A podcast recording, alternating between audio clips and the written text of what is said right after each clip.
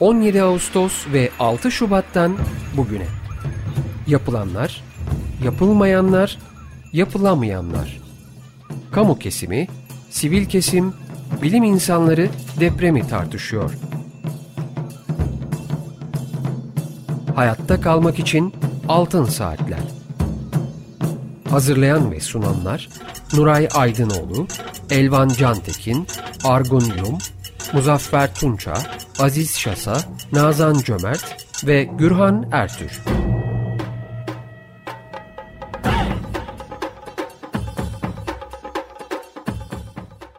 Açık Radyo'da Altın Saatler programını dinleyeceksiniz. Bugünkü programı Mehmet Nuray Aydınoğlu, Elvan Cantekin, Muzaffer Tunca, Nazan Cömert ve ben Gürhan Ertür birlikte sunuyoruz. Teknik Masada ise Berke Akmeşe sesimizi sizlere ulaştırıyor. Telefon numaramız alan kodu 212 343 40 40. Elektronik posta adresimiz açıkradyo.com.tr Altın Saatler programlarının ses kayıtlarını Açık Radyo'nun internet adresinde podcast bölümünde dinleyebilirsiniz. Bugünkü programımızın destekçisi Sercan Atalı'ya teşekkürlerimizi iletiyoruz. Efendim e, bugün 1300. programımızı gerçekleştireceğiz. 24. yılımızdayız. Yılı kapatmadan 1300 programa ulaştık. E, ve bugün iki konuyu ele alacağız. Profesör Doktor Okan Tüysüz hocamız programımıza e, büyük ihtimalle bağlanacak. Şu anda bir toplantı, o toplantı uzun sürdüğü takdirde biz kendi aramızda Elvan Cantekin'in anlatımıyla 2023 yılı afetlerini ve afetlere müdahale çalışmalarını ele almaya çalışacağız. Evet, e, Nuray Hocam, Aziz Şahsa ve Argunyum bugün aramızda değiller. Ama Nuray Hoca, Elvan Cantekin, Muzaffer Tunca ve Nazan Cömert hoş geldiniz programa. Merhabalar ve Merhabalar. Merhabalar. Ben hemen ilk sözü Elvan Cantekin'e bırakıyorum. Evet Elvan. Evet, e, teşekkür ediyorum. E, esasında bizim artık biraz gelenekselleşmeye başladı galiba bu. Her sene e, en son programlardan bir tanesini e, o yıl içerisindeki afetler konusunda yaşanılanlar e, için bir genel değerlendirme olarak kullanıyoruz. E, ben de bugün e, birazcık böyle bu 2023'e bir genel bakış hem Türkiye'de hem dünyada neler yaşandı, neler bitti onları bir hatırlatma anlamında kısa bir şey hazırlık yaptım. Onu sizlerle paylaşacağım. E, tabii 2023'e baktığımızda en başta gelen, en e, can yakıcı, en üzüntü verici, en e, e, travmatik olay e, 2023'ün Şubat ayında e, Türkiye'de meydana gelen, e, ard arda meydana gelen e, üç tane ana ve binlerce de arkasından devam eden e, e deprem sarsıntı e, fırtınası diyeyim.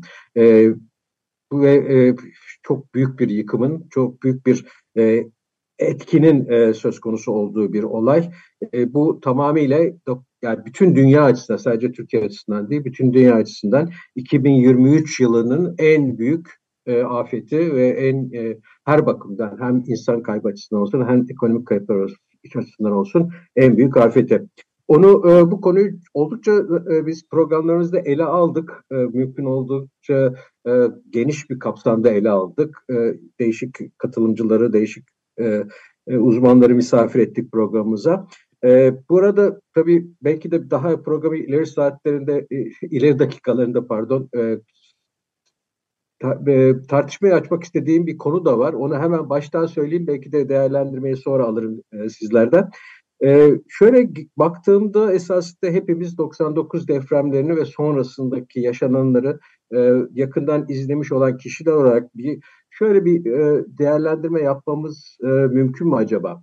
E, 99 depremleriyle bu Şubat 2023 depremlerini kıyasladığımızda gerek e, depremin ardından gelen süreç içerisinde e, depremin ele alınışı medyada, kamuoyunda, e, toplumsal olarak değerlen e, dikkate alınması açısından bir e, e, şey, karşılaştırma yapmaya kalkarsak e, sizce şey nedir? Yani 99 depremleri daha fazla mı e, kamuoyunda e, gündemde kalmış ve medyanın ve kamuoyunun e, gündemini me meşgul etmişti?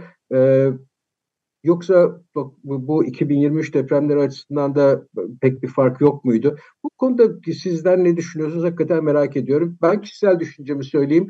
E, sanki 2023 depremleri birazcık e, erken ikinci plana atıldı. Birazcık böyle bir daha e, az e, e, kamuoyunda e, ses getirdi, yankı yaptı ve oraya hala e, yani daha üzerinden bir yıl geçmemesi e, nedeniyle tabii ki çok e, sıcak bir şey olay ama e, böyle bir e, 99'da sanki çok daha büyük bir e, etki oluşmuştu diye düşünüyorum ben. E, bunu sizlerin de bu konudaki görüşlerini almak isterim. Ama e, ondan önce isterseniz şöyle bir 2023'e biraz bakalım. 90 bu e, Şubat depremleri Türkiye'deki oluşan Şubat depremlerin dışında baktığımızda esasında 2023 ağırlıklı olarak e, işte e, şey küresel e, iklim değişikliği, küresel ısınma e, ve onun etkileriyle gittikçe şiddetlenen doğal olaylar, doğal afetler, meteorolojik ve e, hidrolojik af, e, kaynaklı afetlerin yoğun olarak yaşandığı bir yıl olarak görmek mümkün. E, esasında baktığımızda yani e, şiddet açısından belki de çok çok büyük olaylar e, oldukça sınırlı e, 2023'te ama bunların frekansı, bunların sayısında önemli bir artış görüyoruz özellikle orta şiddette hatta daha sınırlı şiddette olan olaylar çok fazla miktarda meydana geliyor. Bunun da tabii ki e, etkileri e, özellikle ekonomik etkileri e, toplamda oldukça fazla oluyor. Şimdi e, ben biraz şeye baktım e, bu e, ekonomik etkiler konusundaki değerlendirmelere 2000 23'te ee, mesela şu e, top, toplam ekonomik kayıp olarak e, e, afetlerdeki toplam ekonomik kayıp olarak 269 milyar dolarlık bir rakam veriliyor sigorta se- sektöründe. E, bu toplam sigortalanmış değil, e, bir toplam e, ekonomik kayıplar. Bunların 260 e, milyar doları e, doğal kaynaklı, doğa kaynaklı afetlerde. E, 9 milyar dolar kadar ise insan kaynaklı afetlerden e, e, meydana gelmiş ekonomik kayıplar. E, bu rakamlar esasında 2022 rakamlarından biraz e, düşük olsa da toplam e, geçmiş 10 yıllık e, ortalamaya baktığımızda oldukça yüksek. Top, 10 yıllık ortalama 235 milyar dolar toplam ekonomik kayıplar mesela afetlerde. E, 2023'te meydana gelen ki 2023 daha bitmedi 269 milyar dolar. Yani e, bir ekonomik kayıplarda geçmiş yılların ortalamasına göre ciddi bir artış görüyoruz. Tabii e, bu noktada çok e, hani ben girmek istemiyorum ama sigortalı kayıplar üzerinde de tabii sigorta endüstrisi çok e, ciddi olarak duruyor. Sigortalı kayıplarda da e, gene e, benzer bir oranda bir artış var. Ort, geçen 10 yıllık e, ortalamaya e, kıyasla. E, şöyle bir bakalım. E, esasında e, sel baskınları e, bu geçtiğimiz yıl içerisinde gerçekten en fazla e, karşılaştığımız afet türü ve en çok insanı etkileyen afet türü. Esasında bir rakam var çok hakikaten şaşırtıcı. Yaklaşık dünya nüfusunun yüzde 29'u afet riskleriyle karşı şey sel riskleriyle karşı karşıya. Çok oldukça büyük bir rakam bu. Ve e, e, bu rakam gittikçe de e, ne yazık ki artıyor. E, birlikte bir başka artış gösteren olay da e, şeyler e, dünyadaki orman yangınları ve şey yaban yangınları diye tanımlayacağımız yangınlar onlarda da oldukça ciddi bir artış var. E, insani şey e, duruma baktığımızda, insani krizlere baktığımızda Birleşmiş Milletler'in verdiği rakamlar gerçekten e, çok e, şey rahatsız edici rakamlar, çok e, yükselen rakamlar. Birleşmiş Milletler yaklaşık 300 milyon insanın dünyada insani yardım ihtiyacı içerisinde olduğunu ve bununla ilgili olarak da işte bunlara müdahale amacıyla toplanan desteğin ise bu 300 milyon kişiye verilecek yardımı karşılayacak düzeyde olmadığını söylüyor.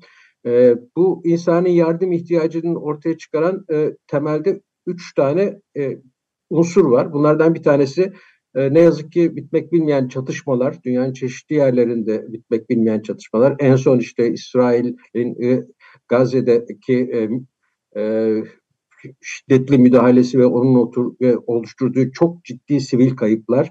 Ondan sonra e, ya ki bu kayıtlar esasında gene Birleşmiş Milletler raporundan okuyorum e, Rwanda'da 1994'te meydana gelen kayıplardan sonra e, gerçekten son e, yıllardaki e, son e, yüzyıldaki en büyük kayıplardan bir tanesi neredeyse insan sivil kayıp olarak. Ondan sonra e, şey e, e, de başka diğer e, ülkelerde de e, özellikle bu kompleks acil durumlar diye tanımladığımız durumlar nedeniyle de insani krizler e, ve dolayısıyla da bu insani krizlerden etkilenen çok büyük popülasyonlar var. E, örneğin e, Haiti'deki e, krizler, e, tabii ki Ukrayna ve Rusya arasındaki çatışmadan kaynaklanan insani kriz, e, Afganistan'daki insani kriz çok uzun yıllardır devam eden, Yemen, e, ve Afrika'nın boynuzundaki e, Afrika boynuzu dediğimiz Doğu Afrika'daki e, bölgede oluşan insani kriz bunlar e, gerçekten çok büyük e, sayılarla e, e, e, ve insanın yerlerinden olmasına ve e, acil insani desteğe ihtiyaç duymasına neden oluyor. Tabii bir Türkiye'de de ve bölgemizde de Suriye olayını unutmamak lazım. Hala devam eden, ta 2011'den beri devam eden bir problem olarak karşımızda. E, ikinci unsur, e, birincisi bu çatışmalarda, ikinci unsur e, tabii ki e, bugünlerde oldukça da gündemde olan bu e, küresel e, iklim e, sorunu ve acil durumu esasında e, bu konuda işte COP28 e, toplantısı e, yapıldı geçtiğimiz günlerde. Onunla ilgili belki de bir ayrıca bir program yapmakta yarar var. Orada alınan bir takım kararlar e, ve bu kararların e, muhtemel etkileri ve de orada tabii e, o toplantılar sırasında birçok da e, gerçek e, e, bilgiler e, de ortaya çıktı ve gerçekten umut kırıcı bazı şeyler de var. Yani e, Paris Anlaşması'nın o bir, bir buçuk derecelik e, e, sanayi devrimi öncesi ne göre bir buçuk derecelik bir sıcaklık artışı e, şeyi e, e, hedefinin e, e, e, ulaşılması tamamen imkansız hale gelmiş durumda. E, 2023 esasında e, kayıt, kayıtlı yıllar içerisinde e, en sıcak yıllardan bir tanesi. E, ve e, 2000 e, şeyde e, geçtiğimiz böyle 20-30 yıla baktığımızda sanıyorum bir 2016 var daha bir biraz daha sıcak geçmiş olan. Ama en sıcak yıllardan bir tanesi ve bunun getirdiği bu küresel ısınmanın ve beraberinde iklim değişikliğinin getirdiği bir takım olumsuz şeyler, olumsuzluklar doğal tehlikelerin daha artmasına işte hava meteorolojik olayların şiddetlenmesine, hidrolojik olayların şiddetlenmesine neden oluyor ve bu da e, af, bu konuda afetlerin e, ortaya çıkmasını e, sonucunu doğuruyor.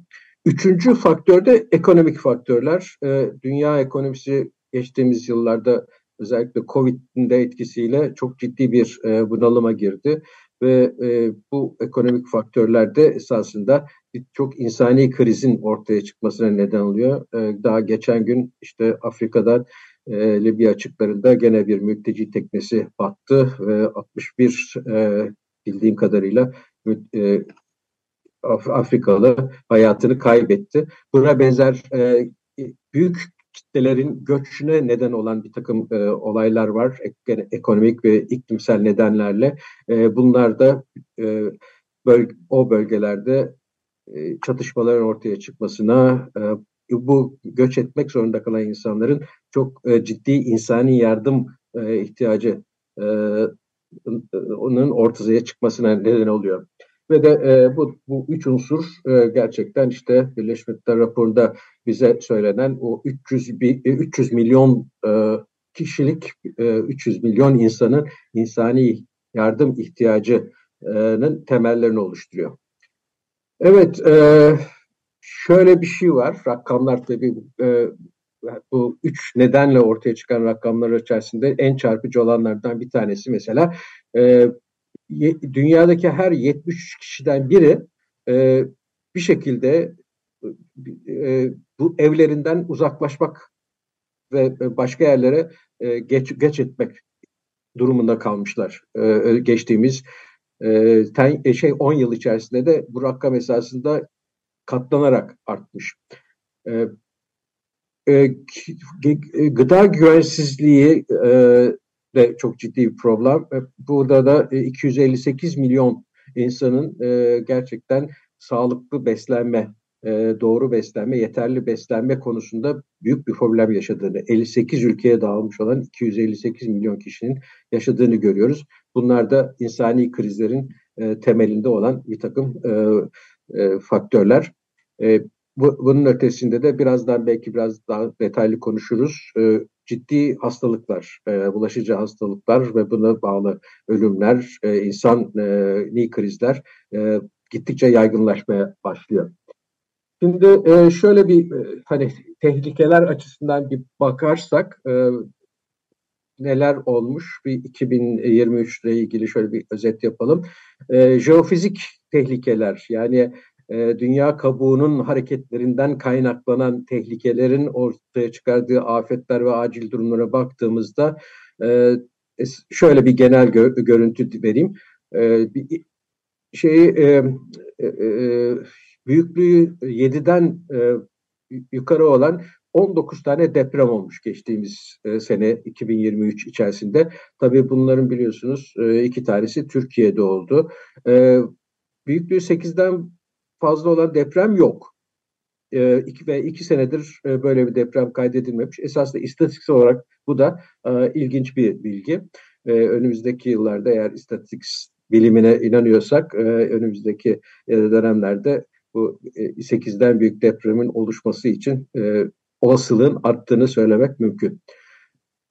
Tabii e, Türkiye'de ve e, e, Suriye'nin kuzeyinde meydana gelen Şubat depremleri çok e, e, büyük depremler ve dünyada da e, bu depremler e, uzun dönemdir e, tartışılıyor, konuşuluyor ve e, bu konuda e, e bilimsel çalışmaların yanı sıra da ayrıca insani çalışmalarda halen devam ediyor. İşte 59 binin üzerinde e, ölüm vakasının yaşandığı ve 7.8-7.5 büyüklüğündeki depremler ve arkasından gelen e, onlarca, e, binlerce pardon, e, diğer küçük e, artçı depremler e, var.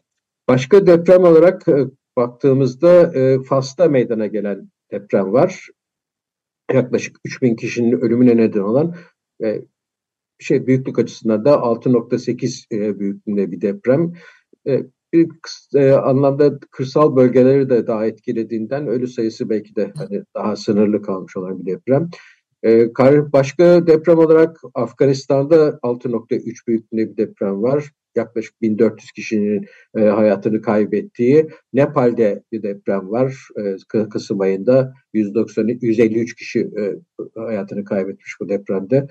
E, bir de tabii son günlerde birkaç gün önce Çin'de meydana gelen bir deprem var. 131 kişi şu ana kadar tespit edilen ölü sayısı. E, bunun ötesinde e, yani çok fazla ölümlü deyip e, ölüme neden olan deprem pek yok. Birkaç tane Ekvator, Pakistan ve Filipin'de olan ama ölü sayısının oldukça sınırlı olduğu depremler var.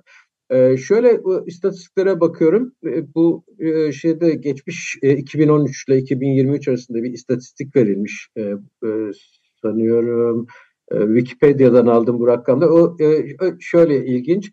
E, yani şeyde e, 8 ile 9 büyüklüğü 8 e, 9 arası büyüklüğü olan depremlerin sayısı bu sene yok. Geçen sene de 2022'de de yoktu. 2021'de oysa 3 tane var. İşte en azından 2-3 sene işte hemen hemen her sene bir tane bu e, şekilde bir deprem oluyor. İki senedir olmaması e, benim ilgimi çekti. Belki önümüzdeki sene e, bir ihtimal bu e, e, büyüklükte bir depremde karşılaşma olasılığının fazla olduğunu e, düşünüyorum.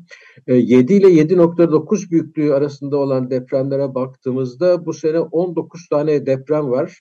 E, oldukça yüksek bir sayı bu. Esasında e, 2022'de mesela bu sayı 11'miş. 2013'te 17'ymiş. E, bu yani bu, bu büyük dilimindeki en fazla sayıda deprem 2023'te olmuş bu son 10 yıla baktığımızda. E, toplam e, 2023'te 4'ten büyük 13.700 deprem olmuş ki bu da e, oldukça hani 10 yıllık süreç içerisinde yıllık ortalamalara oldukça uygun e, yani çok farklılık göstermeyen bir deprem sayısı. E, ölümlü depremlere baktığımızda esasında e, yani büyük sayıda ölümün söz konusu olduğu de, dediğimiz gibi üç tane deprem var. Bunlardan bir tanesi tabii ki Türkiye'deki depremler silsilesi diyeyim.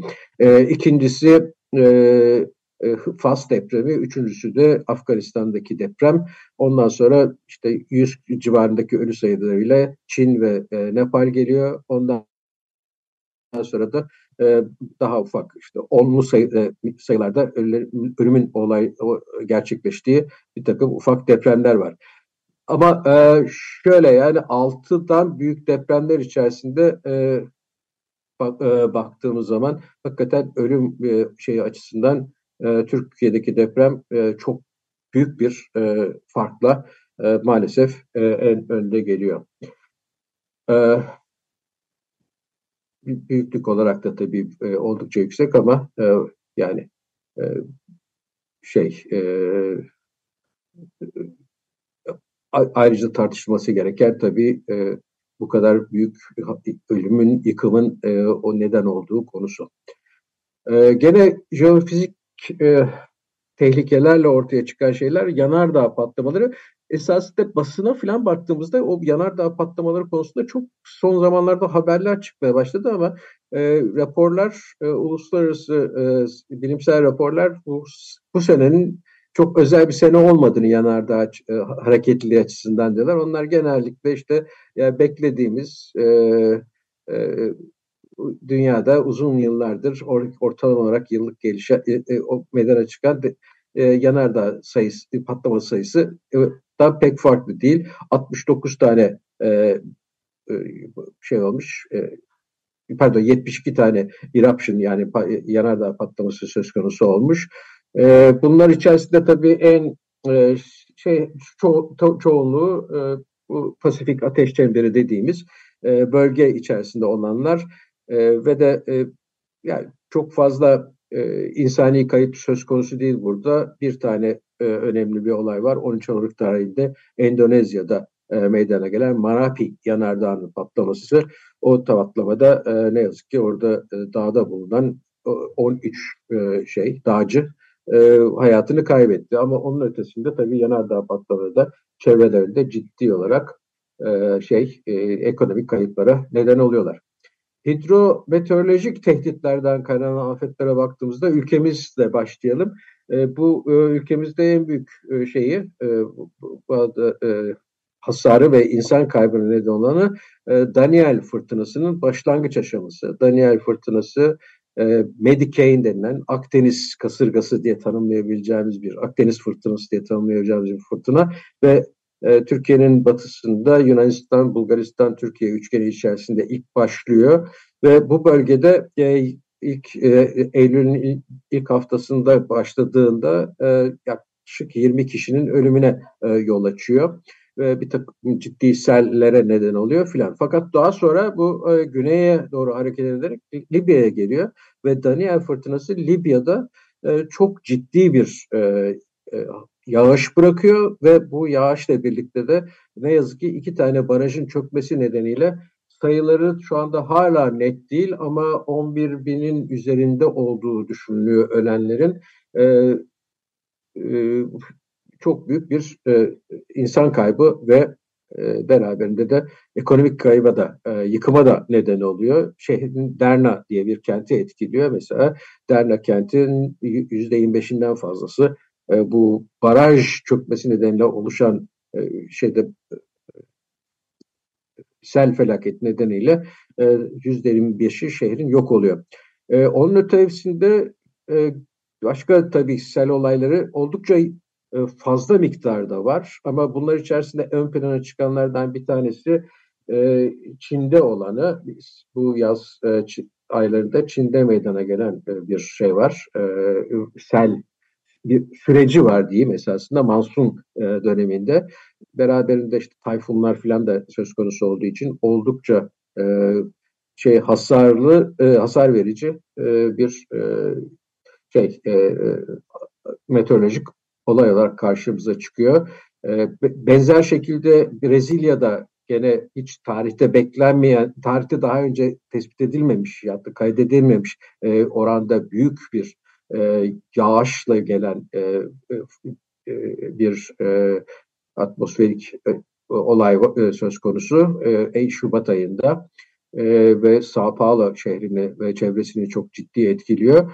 baktığınız zaman hala işte Afrika'da e, bir sürü bölgede e, aşırı yağışlar nedeniyle e, bir takım e, sel e, ve su baskınları olaylarıyla karşı karşıyayız. İşte Somali'de, Kenya'da, Tanzanya'da, Demokratik Kongo Cumhuriyeti'nde, Gana'da e, buralarda bir sel felaketleri hala devam ediyor. Geçmişti, yani yıl içerisinde de oldu. Çok ciddi ekonomik kayıplara neden oluyor. Ve burada tabii sorun e, tarımsal üretimi de sekteye vuruyor e, bu sekteye uğratıyor bu e, seller ve e, zaten çok problemli olan bu gıda güvencesizliği sorununu arttırıyor ve ciddi göç hareketlerini de başlatıyor. Özellikle Orta Afrika civarında bu hareketler e, e, oradaki e, çatışma ortamında e, nasıl diyeyim e, hareketlendiriyor ve ona e, bir şekilde besliyor hareketi.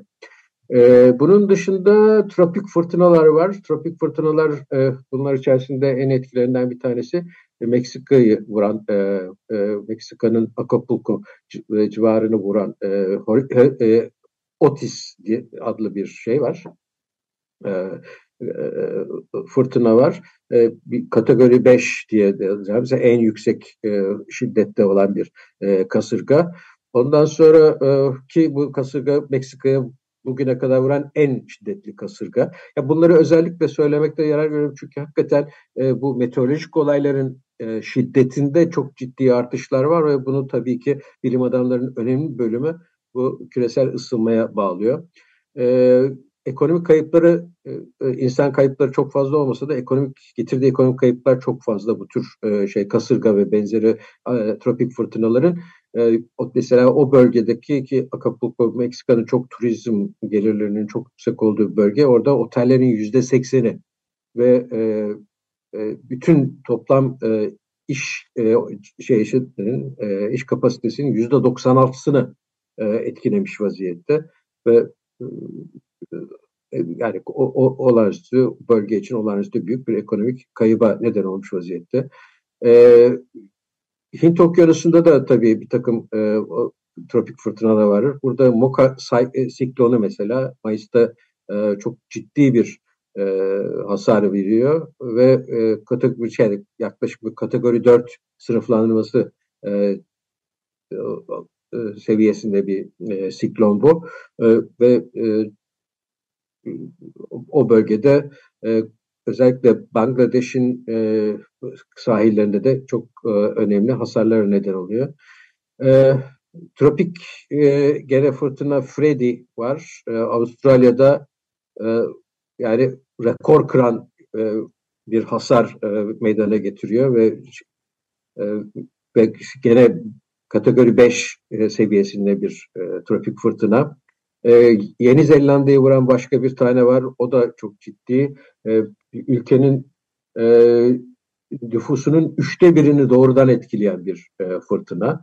Yani bütün bunlar gördüğümüz gibi böyle çok e, şey e, e, çok büyük e, nüfusları etkilen, e, etkileyen ve çok büyük e, ekonomik kayıplar e, verdiren e, doğal olaylar olarak karşımızdalar ve e, bu olayların e, şeyi e, e, sayısı e, oldukça fazla ve burada e, uzmanları şaşırtan bir olay var. Bu sene esasında bu meşhur El Niño e, koşullarının e, oldukça e, etkin olarak gözlemlendiği bir yıl. El Niño'lar olduğu zaman biliyorsunuz Pasifik Okyanusu'nda belli bir noktadaki deniz suyu sıcaklığının değişmesiyle bağlantılı bir olay. El Niño dönemi olduğunda yani deniz suyu sıcaklığı Pasifik Okyanusu'nda fazla olduğu zaman esasında diğer bölgelerde özellikle de Atlantik Okyanusu'nda falan daha az kasırga olurmuş. Oysa bu sene e, bu hiç e, öyle değil. E, o da ilginç bir olarak e, gözlemlenmiş. Yani e, normal e, yıllardan çok daha fazla sayıda e, tropik e, fırtına ve kasırga olayı meydana gelmiş. İklimsel tehditlerden oluşan afetlere baktığımızda evet e, bizi de ilgilendiren e, bir şey var. Bu e, orman yangınları ya da işte otlak yangınları ya da yaban yangınları diye adlandırabileceğimiz yangınlar. E, bunlardan en yakını tabii bize e, Gelibolu'da olan e, büyük yangın. Onun ötesinde tabii e, büyüklük açısından, etkileri alan açısından çok ciddi bir yangın Yunanistan'da meydana geldi. E, Ağustos ayında Yunanistan'daki yangın e, iki haftadan daha fazla e, devam etti. Son 20 yılda görülen en büyük yangın olarak değerlendiriliyor ve yaklaşık 300 bin hektar alanı ki bu e, hani dinleyiciler açısından bir fikir versin diye e, bu alan yaklaşık e, New York şehrinin kinden daha büyük bir alanı e, söz ediyoruz. E, 200-300 bin hektarlık bir alanı e, etkiledi. Hatta tamamıyla yaktı da diyebiliriz. Ve ne, maalesef 20 kişinin de ölümüne neden oldu. E, İspanya'da benzer yangınlar var, büyük yangınlar. E, hatırlarsınız Kanarya Adaları'nda adaların tahliye edilmesine neden olan e, e, yangınlardı bunlar. E, orada da 20, 10 bin hektarın üzerinde orman yandı. Kanada e, ve Kuzey Amerika genelinde esasında uzun yıllardır orman yangınlarından büyük problemleri var zaten. Kanada'da bu sene çok ciddi orman yangınları oldu. Toplam e, 5500'ün e, üzerinde yangın esasında Kanada'da çıktı 2023 yılı içerisinde ve toplam 13.4 milyon hektar arazi e, Ağustos'tan itibaren işte çeşitli şeylerle e, e, or, orman yangınına maruz kaldı ve zarar gördü. Ağustos'taki yangınları, Türkiye'deki yangınlardan bahsettik. Yaklaşık e, 4 bin, 5 bin, e, 6 bin hektar civarında bir alan e, Türkiye'de de e, maalesef yandı. E, tabii e, bunlar içerisinde en ölümlü olay e, Hawaii'de Amerika'nın Hawaii eyaletinde meydana gelen e, Ağustos ayında meydana gelen e, yangındı. E, yerleşim alanlarını da etkileyen yangında e, 115 kişi hayatını kaybetti. E, bunlar da orman yangınları, iklim değişikliğinin e, de e, tamamıyla etkisi altında şiddet, şiddetlenen olaylardan bir tanesi. E, onun ötesinde gene iklimsel olarak e, ortaya çıkan e, bir durum. Kuraklık ve sıcak dalgaları e, söz konusu. E, sözünü ettik El Niño devam ediyor. El Niño da, da normalden çok daha uzun süre devam ediyor bu sefer. E, bunlar periyodik olarak değişen e, e, şey e, e, meteorolojik şartlar e, El Niño normalde e, bitmesi El Niño'nun baş gelmesi lazım. Daha seri, soğuk e, deniz suyu sıcakları beklenirken e, El Niño devam ediyor. E, 2023 e, Eylül ayı e, dünyada en sıcak e, 2020'den sonra evet en sıcak e, ortalama e, ha, sıcaklıkların olduğu, ortalama yüzey sıcaklıkların olduğu e, ay olarak e, tespit edilmiş.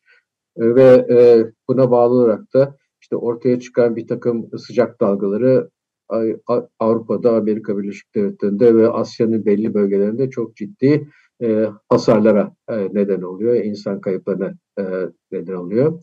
E, tabii kuraklık ve beraberinde getiriyor. Bunların içerisinde e, kuraklıklar içerisinde e, en büyük e, şey yapan, e, etki gösteren e, kuraklık Afrika boynuzu denilen e, Afrika'nın doğu bölgesinde e, ki e, bölgede ortaya çıkan kuraklık milyonlarca kişiyi etkiliyor ve de e, işte yaşanan toplu insan hareketleri zaten var olan bir insani krizi daha da derinleştiriyor. Ayrıca işte Bolivya'da, Moğolistan'da, Çin'de bir sürü e, yerde e, ciddi kuraklık olaylarıyla karşı karşıya kalındığı gözlemleniyor.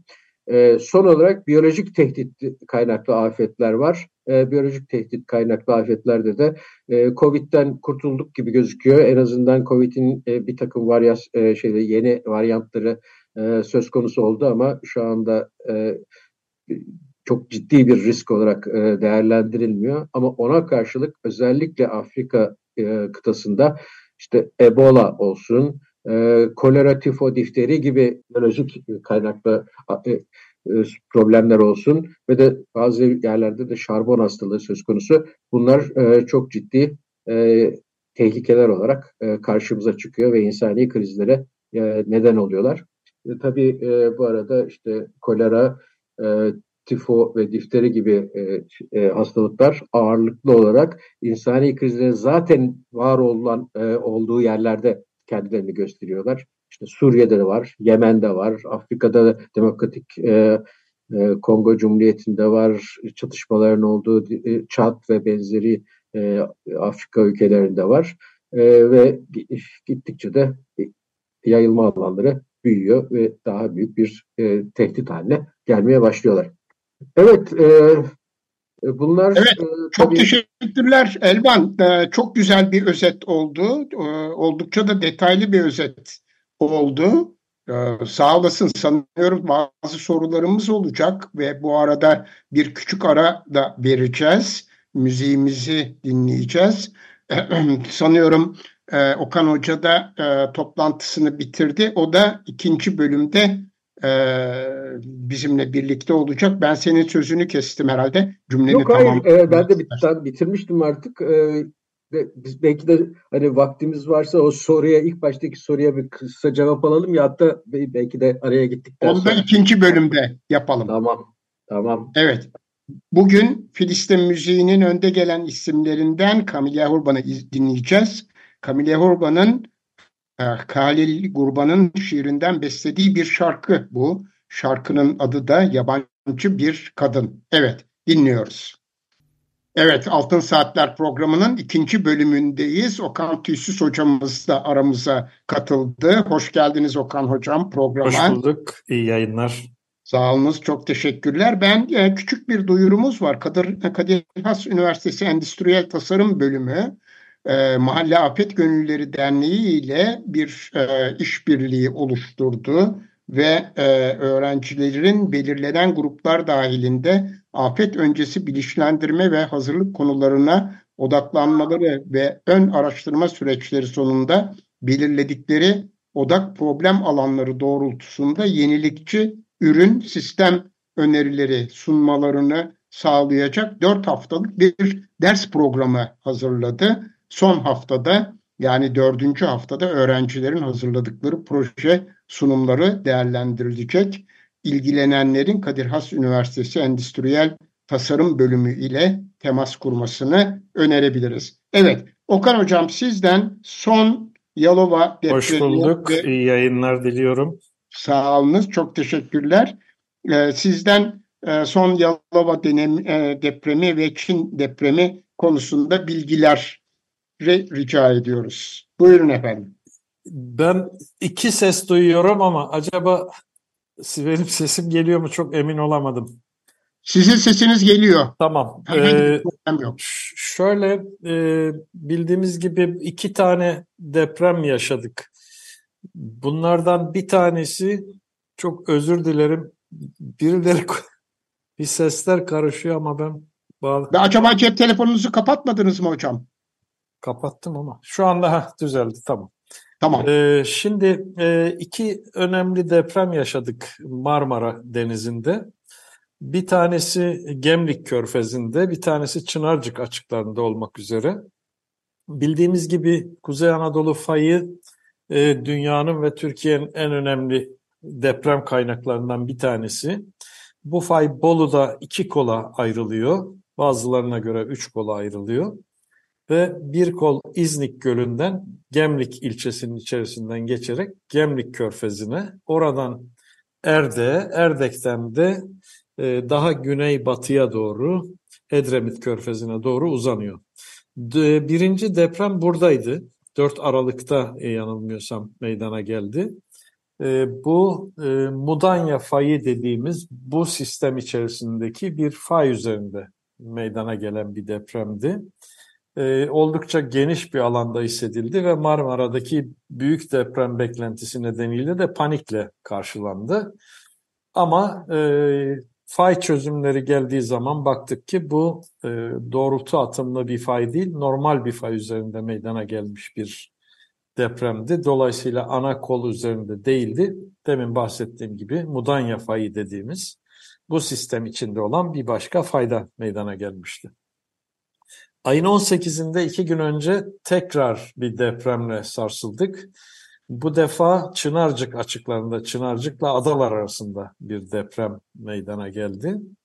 Ee, burada da yine Kuzey Anadolu fayının kuzey kolu, yani 17 Ağustos 1999 depremini yapan kol, İzmit Körfezi'nden çıktıktan sonra kuzeye doğru dönüp adaların güneyinden geçip sonra Bakırköy, Yeşilköy, Silivri açıklarından geçerek Mürefte'ye kadar gidiyor.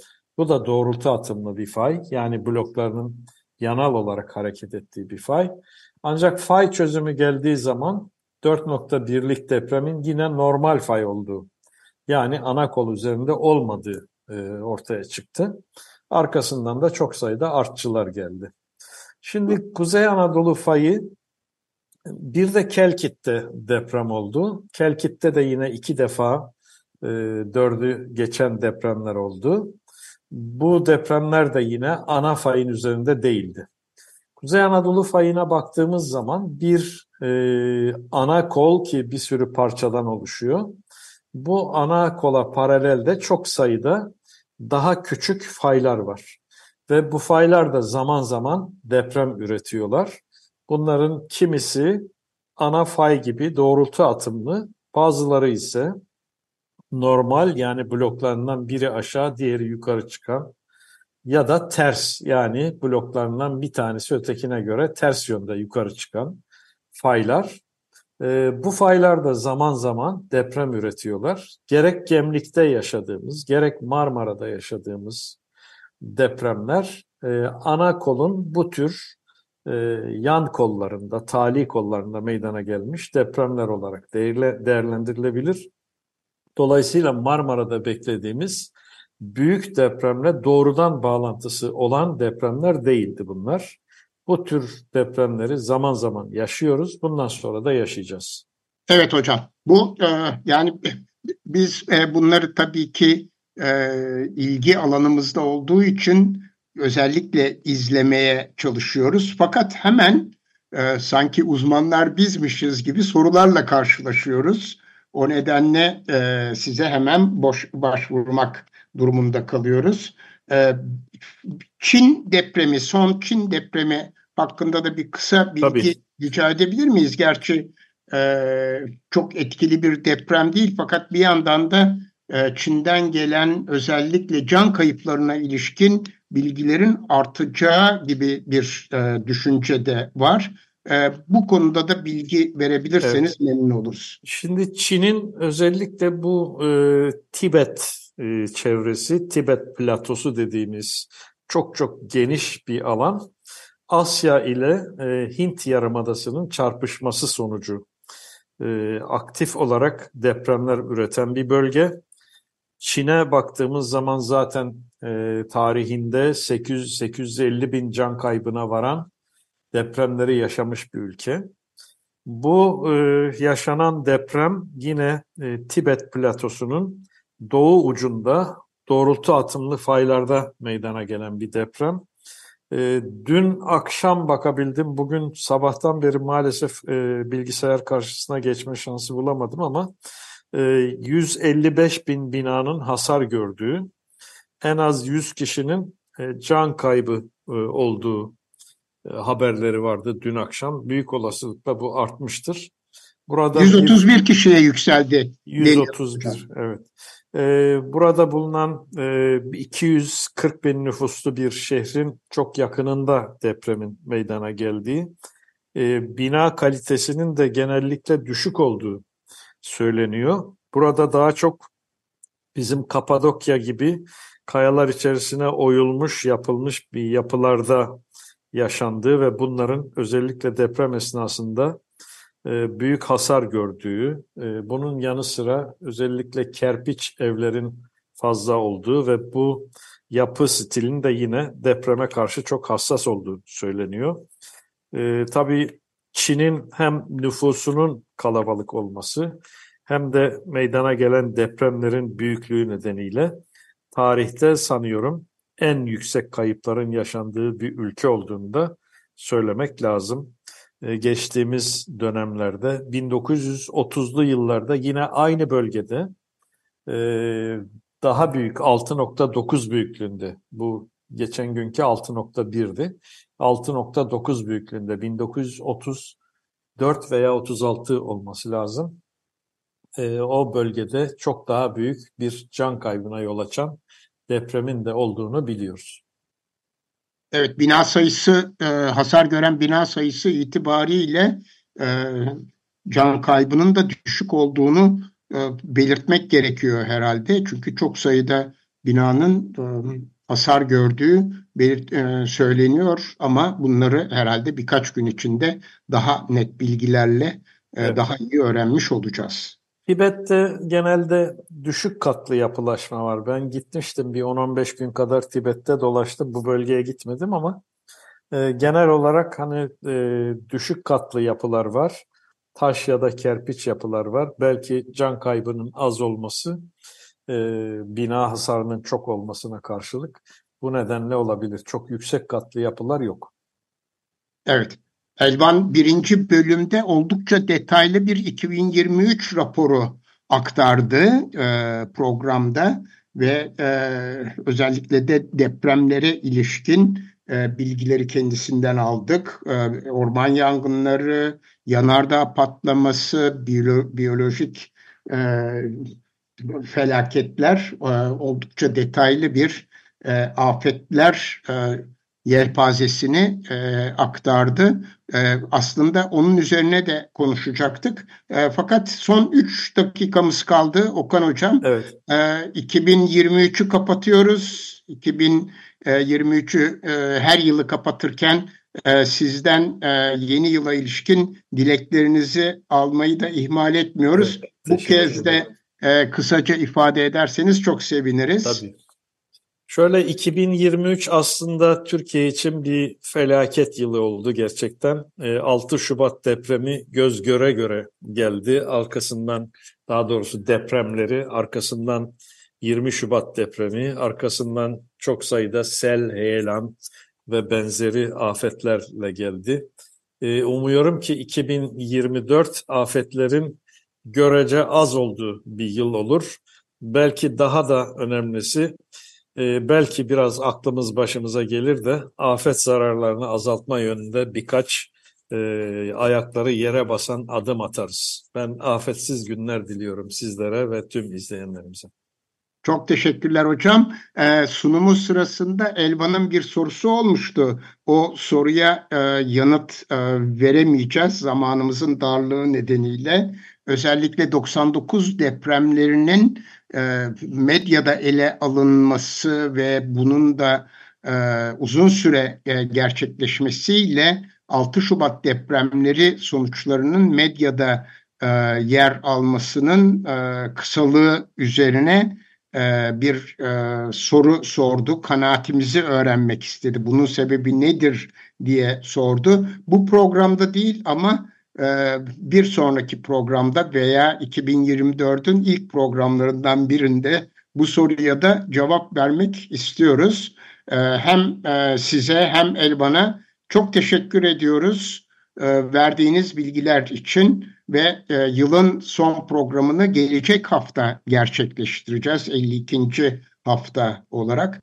Programın başında belirttim 1300 programımızı gerçekleştirdik bugün. Maşallah diyelim. evet. Yani bu programın sürmesi de e, bu kadar uzun sürmesinde de aslında problemlerin e, azalmamasının sonucudur. Ortadan kalkmamasının sonucudur. Evet dileğimiz 2024'te sizin de söylediğiniz gibi hem depremsiz hem de daha hazırlıklı bir yıl geçiririz diye e, umut edelim diyoruz her yıl belirttiğimiz gibi. Evet e, bugünkü programı burada sonlandırmak zorundayız. Programa katıldığınız için çok teşekkür ederiz Okan Hocam. Ben teşekkür ee, ediyorum. Ve gelecek hafta yeni bir Altın Saatler programında görüşmek dileğiyle. Hoşçakalın. Hoşçakalın. Hoşçakalın. Hoşçakalın.